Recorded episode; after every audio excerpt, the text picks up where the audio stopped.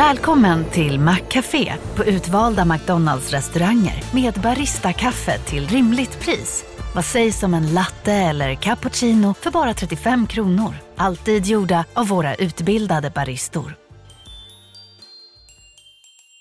Hej, Susanne Axel här. När du gör som jag och listar dig på en av Krys vårdcentraler får du en fast läkarkontakt som kan din sjukdomshistoria. Du får träffa erfarna specialister, tillgång till lättakuten och så kan du chatta med vårdpersonalen. Så gör ditt viktigaste val idag, lista dig hos Kry.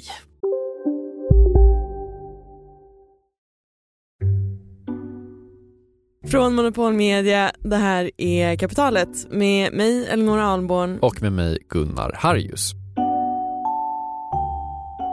Du är ju eh, väl bekant med den här tanken att eh, hög inflation hänger ihop med goda tider. Ja.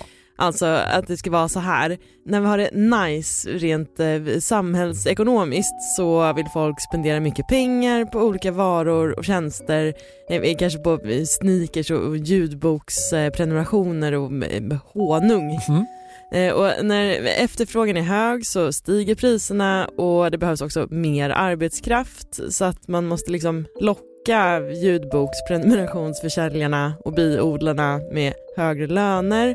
Eh, fler får också jobb och deras löner finansieras i sin tur med högre priser och så kan biodlarna köpa nya sneakers och så vidare. Precis, det här är liksom vad som händer när det blir inflation och, och det händer ju då under goda tider som vi hör. Precis, och, och sen tvärtom då, alltså att när tiderna blir sämre så köper folk färre sneakers och då kanske Boost Fashion måste sänka sina priser och finansiera det med att sänka lönerna och kanske till och med sparka sin eh, Office Mood Manager nej. och då blir fler arbetslösa och inflationstakten sjunker. Just det.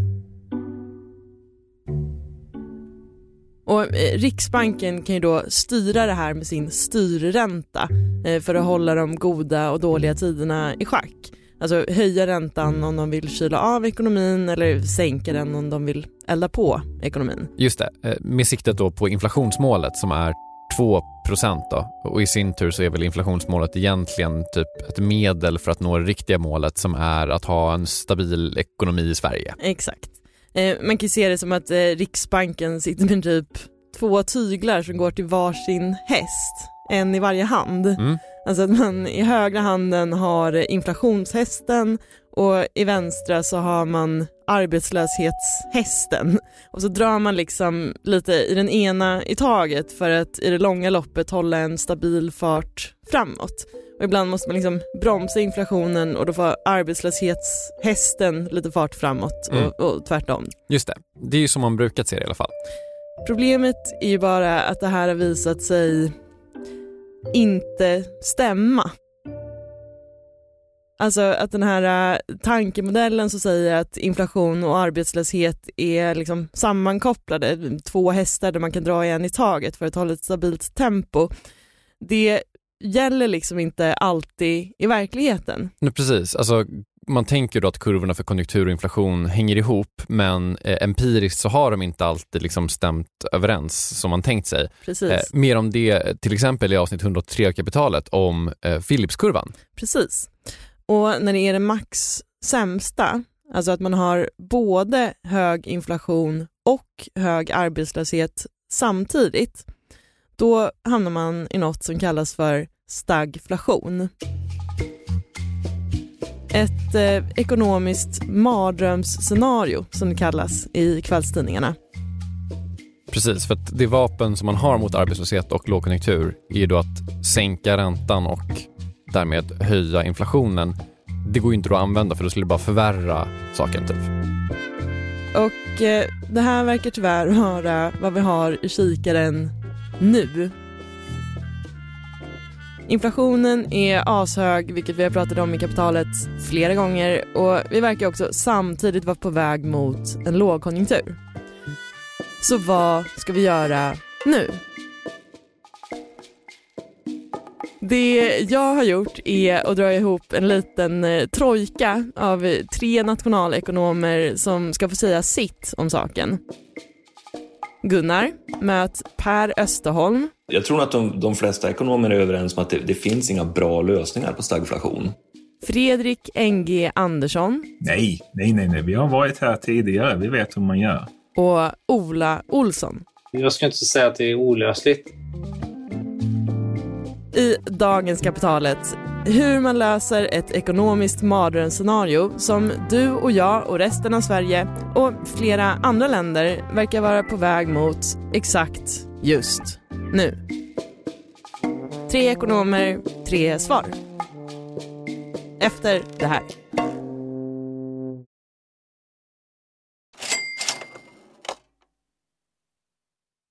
Kapitalet sponsras av SPP och Storebrand Asset Management. Eh, Storebrand och SPP hör ju ihop sedan många år och utan att gå in på några detaljer här och nu så kan vi i alla fall säga att eh, Storebrand förvaltar över 1200 miljarder kronor bland annat åt just SPP.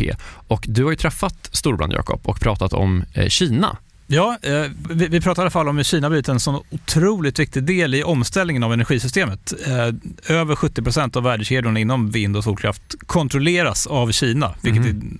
är otroligt när man tänker på det. Ja. Och Det handlar om att Kina väldigt tidigt insåg att energi är makt och att man genom sol och vindkraft kan göra sig typ fri från att importera olja och gas och sånt. Then if you think that tomorrow or today's you know power base is going to in a large part be about renewables, then obviously having a stranglehold on those renewables and all the technologies that go into it is going to be part and parcel of that power play. Eh, det här är då Philip Ripman som ansvarar för Storbrand Global Solutions, eh, en fond som investerar i lösningsbolag över hela världen. Mm. Och hela det här avsnittet om Kina och geopolitiken som nu liksom är invävd i den globala omställningen, eh, den släpper vi som en bonus här i kapitalet nu i veckan. Okej, stagflation är då ett portmontå av ekonomisk stagnation och hög inflation. Och eh, det här är då en väldigt dålig ekonomisk sits att sitta i och väldigt mycket tyder på att Sverige är på väg in i den här situationen. Vi har ju haft låg inflation under typ hela 10-talet, men nu senaste typ året så har inflationen börjat visa sig mer och mer i mätningarna. Senaste siffran var väl 8 tror jag. Precis, och eh, nu i juni sa ju också Konjunkturinstitutet att vi är på väg in i en lågkonjunktur, alltså stagnation. Precis, att vi är nu på väg att både ha stagnation och inflation, fast det egentligen, enligt de mest så klassiska ekonomiska teorierna, så ska man liksom inte kunna ha båda, utan man ska liksom kunna välja antingen det ena eller det andra. Exakt, för att i vanliga fall så tänker man sig ju att man får inflation när tiderna är goda. Därför då spenderar människor jättemycket pengar. Här är Fredrik NG Andersson, eh, docent i nationalekonomi på Lunds universitet. Då kan det bli ont om varor och tjänster att köpa så priserna stiger. Men det är också så att företagen försöker ju följa med och producera så mycket som det går när, när folk vill handla. Och då behöver man arbetskraft. Och för att få arbetskraft så måste man locka med högre löner. Och lockar man med högre löner så måste man finansiera dem och då måste man höja priserna. Så att i vanliga fall tänker vi bra ekonomi, hög inflation, dålig ekonomi, låg inflation. Och stagflation, alltså den här äh, ovanliga och olyckliga kombinationen av dålig ekonomi och hög inflation, beror ofta på att eh, något har gått snett på utbudssidan. Så när ekonomin inte kan leverera alla de varor och tjänster vi vill ha. Alltså när det är efterfrågan som driver ekonomin uppåt eller neråt så är det liksom lättare att hantera. Är det efterfrågestörningar som driver? Här är Per Österholm, han är professor i finansiell ekonomi vid Örebro universitet. Eh, och vi har positiva efterfrågestörningar, så att vi får högt resursutnyttjande och hög inflation, då kan ju centralbanken bara höja räntan. Och när vi får negativa efterfrågestörningar, alltså låg efterfrågan helt enkelt. Då kan centralbanken sänka räntan. Precis, alltså vid lägre ränta så kommer det in mer pengar i ekonomin och då kanske man tenderar att köpa grejer som man skulle prioritera bort annars och då höjer man då efterfrågan på varor och tjänster. Precis, eh, men när det dyker upp mer svårhanterade problem på utbudssidan, det är ofta då vi hamnar här i stagflation. Och eh, ja, vad gör centralbanken då? Man vill ju på något vis höja räntan för att stävja inflationen Men det innebär ju att den reala ekonomin då kommer utvecklas ännu svagare. Eh, men sänker man räntan för att stärka den reala ekonomin så kommer det bidra till en högre inflation. Så att vapnet styrränta funkar inte och det är liksom det här mardrömsscenariot som vi befinner oss i nu. Yes. Eller vi verkar i alla fall vara på väg ditåt, alltså enligt eh, Konjunkturinstitutet till exempel. Det är ju ett eh, bekymmersamt läge så sätt att det... Han är Ola Olsson, den tredje nationalekonomen. Eh, han är professor på Göteborgs universitet. Att vi både har ganska hög inflation och låg tillväxt. Och det innebär ju redan högre kostnader för mat och energi och allt möjligt annat. Okej, hur kunde vi hamna här då? Ja, alltså egentligen så skulle man kunna börja med att backa bandet typ tio år tillbaka för att även då kan man se att det här sambandet mellan inflation och tillväxt som man brukar tänka sig faktiskt också var ganska svagt och svajigt fast tvärtom. Under större delen av 2010-talet så har det varit eh, låg inflation och ganska hög eh, tillväxt ändå. Vi har haft eh, egentligen eh, motsatsen till vad vi har nu ganska länge. Men eh, sen så vändes allt upp och ner i och med, kan du gissa? Pandemin, snark. och sen blev det inte direkt bättre av kriget i våras. Nej, få saker blir det. Mm. Men um, om vi ska ta en sak i taget nu. Alltså, enligt uh, bland annat Fredrik NG Andersson så kan man säga att läget vi har idag beror på tre grejer. Det första är då pandemin i sig. Man stängde ner världshandeln så man får liksom inte fram varor. Det andra är Rysslands invasion av Ukraina. Att vi inte får gasen och vi kan inte heller alltid få de naturresurser vi behöver från, från Ryssland, vilket också ställer till problem. Och det tredje är hur man hanterade pandemin med en väldigt expansiv finans och penningpolitik. Det betyder att man vräkte ut pengar i ekonomin. Så det finns köpkraft i ekonomin. Och nu när restriktionerna har släppts så vill vi alla ta igen det vi förlorade under pandemin. Så vi vill resa, vi vill shoppa, vi vill gå på restaurang, bio, konsert, teater, allt vad det kan vara. Och vi har pengar att spendera och det är det vi gör. Och då driver det också upp inflationen. Det har alltså gjort att vi har väldigt hög efterfrågan, vilket har dragit upp priserna. Samtidigt som vi alltså fått brist på en massa grejer.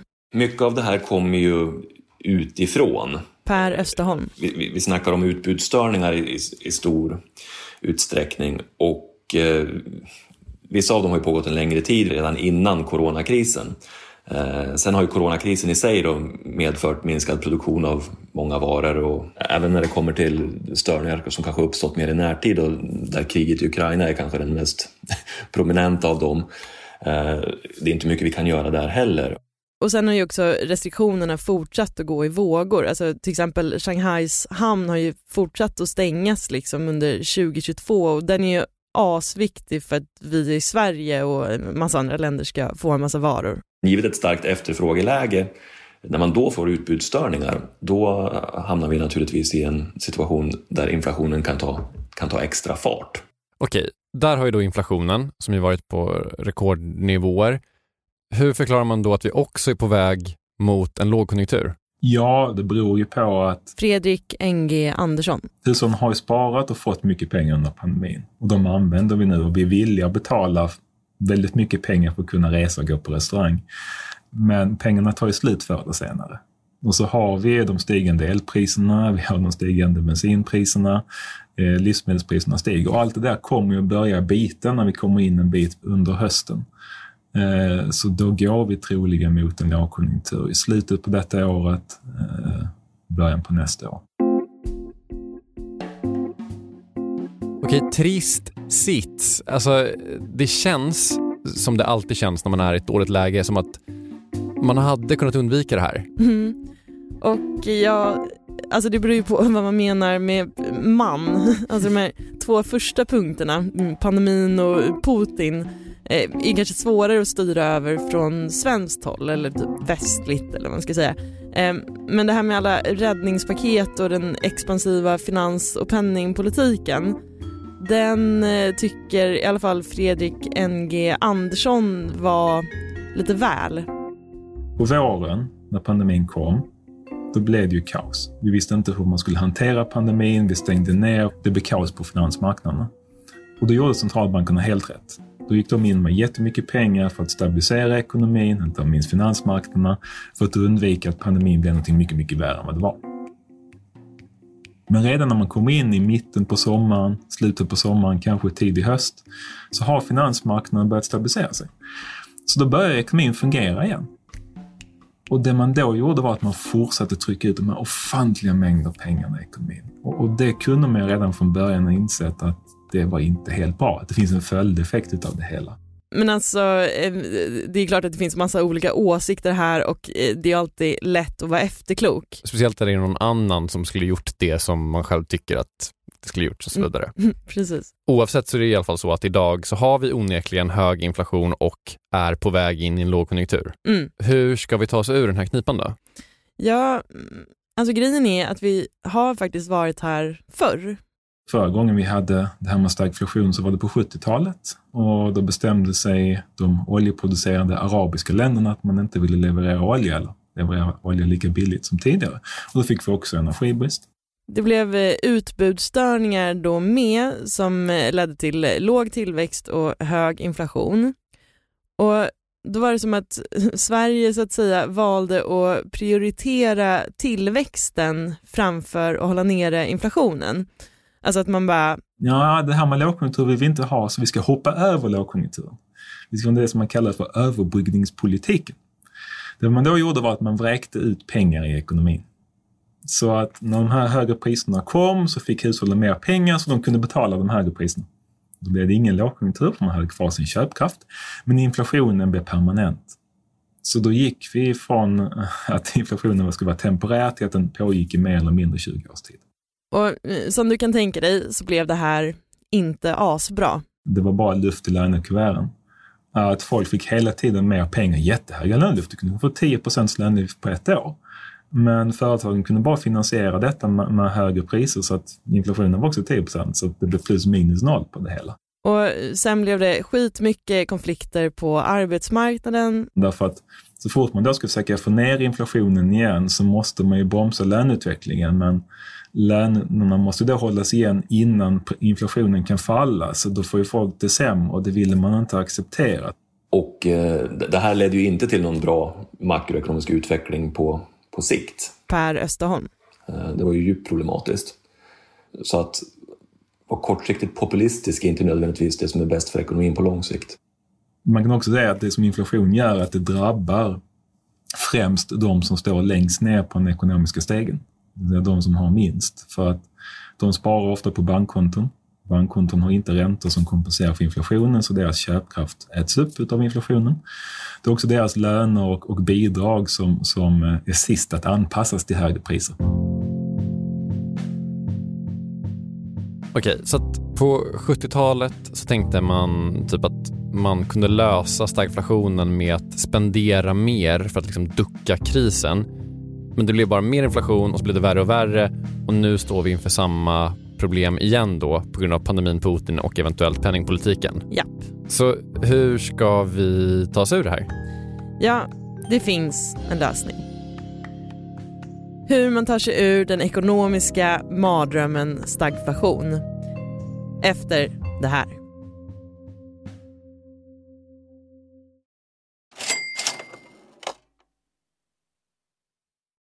Vi sponsras av SPP och vi var ju med dem eh, på Tech Arena förra veckan. Och jag tänkte berätta om en bolagspitch som jag såg. Ja.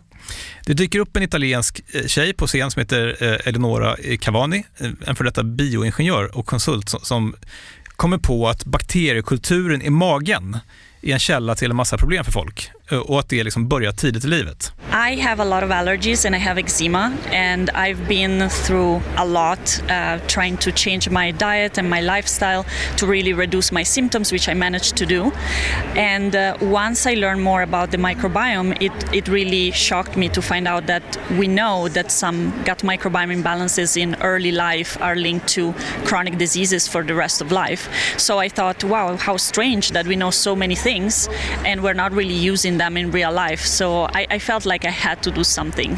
Så hon startar något som heter Alba Health, eh, jag förväxlar med Alba Golf som vi gillar, eh, där småbarnsföräldrar kan skicka in prover från sina barn. We send you a kit. Um, it's a test that you can take at home. We need a poop sample. You can take it from the diaper. We receive it, we analyze it, we give you back results and recommendations on uh, lifestyle, food, and uh, potentially probiotics. Och, och folk kommer liksom tycka att det är lite äckligt och sånt, men jag kände så här, det är så mycket negativitet i världen just nu. Eh, och du var inne på det tidigare, liksom att det här stället var ju fullt med folk som typ vill göra grejer. Mm.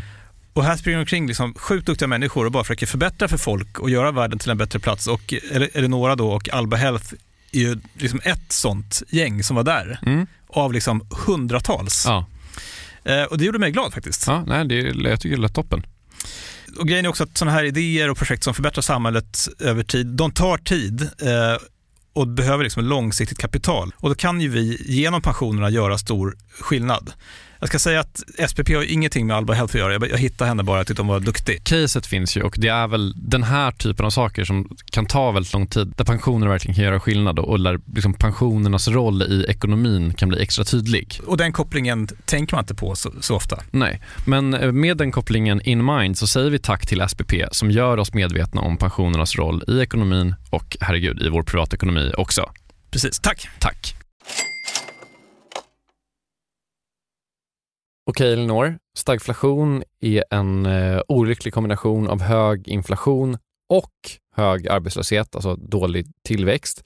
Och den här rävsaxen har vi nu hamnat i på grund av utbudsstörningar som kommer från pandemin och kriget i Ukraina samtidigt som inflationen troligtvis har eldats på av olika centralbankers räddningspaket under eh, pandemin. Japp. Förra gången vi satt i den sitsen, på 70-talet, så försökte Sverige typ kanske lite hårt, men typ ignorera problemet Mm. kring inflation för att undvika att hamna i en lågkonjunktur. Och ehm, ja, om man skulle liksom vara den som bedömer historien, det vi är väl det, det gick åt helvete. Mm. Men du har nu lovat att eh, det finns eh, andra lösningar på det här. Yes. En eh, annan lösning som man eh, har testat för att bromsa inflationen är att försöka att bara bestämma över priserna. Alltså att man bara säger så här, eh, nej, den här sneakern ska från och med nu kosta max 950 kronor och det är olagligt att sälja den för mer än så. Mm. Och eh, ni får heller inte ge mer i lön än eh, 2 höjning. Det, det är ju en slags eh, Ola Olsson. planekonomiskt tänkande som vi i väst inte ens överväger längre. Men vi har faktiskt både övervägt och till och med testat det här i Sverige. Och det var också på 70-talet då när vi försökte få bukt med stagflationen förra gången. Statens pris och kartellnämnd hette det i Sverige. När vi höll på med det på 70-talet. Fredrik NG Andersson. Det gick sådär. Gulliga 70-tals-Sverige. Mm. Eh, Det finns också många fler och till och med helt eh, nutida försök med det här med pristak faktiskt. I Australien tidigare år så meddelade elbolag i ljuset av just ett pristag att man inte tänkte köra sina generatorer för det, för det var inte lönsamt. Per Österholm. Eh, Och det, det är klart att eh, man kan då sänka priset på el men då kan man ju också få en elbrist istället. Just det, för att varför skulle australiensiska elbolag acceptera att de får mindre betalt om inte också allt blir billigare för dem samtidigt? Exakt, och eh, sen i Australien så har de i och för sig också haft ett liksom, kompensationssystem men eh, elleverantörerna verkar inte lita på det och ja, eh, i alla fall så eh, generellt så brukar liksom eh, prisregleringar på en annars fri marknad eh, inte funka så bra helt enkelt. Om man till exempel sätter ett pristak på en vara då kommer ju leverantörerna vara mindre intresserade av att förse marknaden med den eh, samtidigt som efterfrågan på varan kommer att vara högre än utan pristaket. Så att då kommer ju inte marknaden att fungera som den ska heller. Sen kan man ju säga också att i Frankrike nu så är det ju uppe som förslag att man helt och hållet ska liksom nationalisera energiproduktionen för att inte låta marknaden styra priset på el alls. Och eh, på så sätt så skulle man ju då eventuellt kunna prisreglera. Men ja, slutsatsen är väl typ någonstans att så länge man låter marknaden styra så kan man väl typ stryka prisregleringar från listan av möjliga lösningar på stagflation. Mm. Så vad finns kvar då? Ja, alltså eh, alla tre nationalekonomer som jag har pratat med, alltså Per, Fredrik och Ola, eh, alla de tycker egentligen typ samma sak. Lösningen på en, en, en stagflation är att man måste strama åt den ekonomiska politiken. Höja eh, räntorna helt enkelt, höja centralbankernas styrräntor. Vi får acceptera att, att hushållens köpkraft har urholkats och eh, blicka framåt och försöka få eh, ekonomin att fungera bra framgent istället. Det är jobbigt på kort sikt, men det blir bättre på lång sikt. Det här är bäst medicin för att det är en, en svår åkomma att hantera. Okej, så att alla är eniga om att det enda man kan göra är att bara acceptera lågkonjunkturen för att råda bot på inflationen. Exakt. Och för att göra det så måste man höja styrräntorna vilket alltså gör att lågkonjunkturen eh, blir ännu värre och sen måste man bita ihop och vänta. Det handlar bara om att låta penningpolitiken verka här nu under närmaste året och de flesta bedömare tror att det, det kommer att ehm, eh, bita ganska snart. Ganska snart, vad det nu betyder, låter i alla fall hyfsat hoppfullt. Och dessutom så går det inte i någon längre period att ha eh, ökade priser och väldigt, väldigt svag tillväxt till exempel. För till slut kommer hushållen inte ha råd att köpa någonting. Då kommer efterfrågan att minska och då kommer prisnivån ändå att minska. Så det, det är nog en lite tillfällig situation som vi har här. Okej, för att summera då. Eh, det är en trist men förhoppningsvis tillfällig situation som vi alla befinner oss i mm. och den är särskilt trist då för eh, Boost Fashions Office Mood Manager eller vad det var. det var ju då bara ett yrke som jag hittade på så att eh, man kan väl verkligen hoppas att den personen inte finns på riktigt. Men om det finns, vi finns här för dig. Alltså, vi behöver ingen Office Mood Manager, vi har inte råd med det heller. Nej, verkligen inte. Sorry. Framtiden är alltid osäker så man vet inte vad som kommer hända i framtiden. Men man vet att det kommer alltid uppstå någon form av problem. Och har man då inte löst de tidigare problemen så kommer allting bara bli mycket värre. Vi har haft det väldigt bra i 25 års tid så jag är lite rädd för att vi, vi, vi har tappat förmågan att vilja ta tag i problemen när de uppstår. Kapitalet är slut för idag. Vi som gjort det här avsnittet heter Elinor Alborn och Gunnar Harrius. Marcus Morey Haldin jobbar också på redaktionen. Avsnittet är mixat av Jesper Hagenborn och vår chef och ansvariga utgivare heter Jakob Bursell. Vi är tillbaka nästa vecka. Hej då!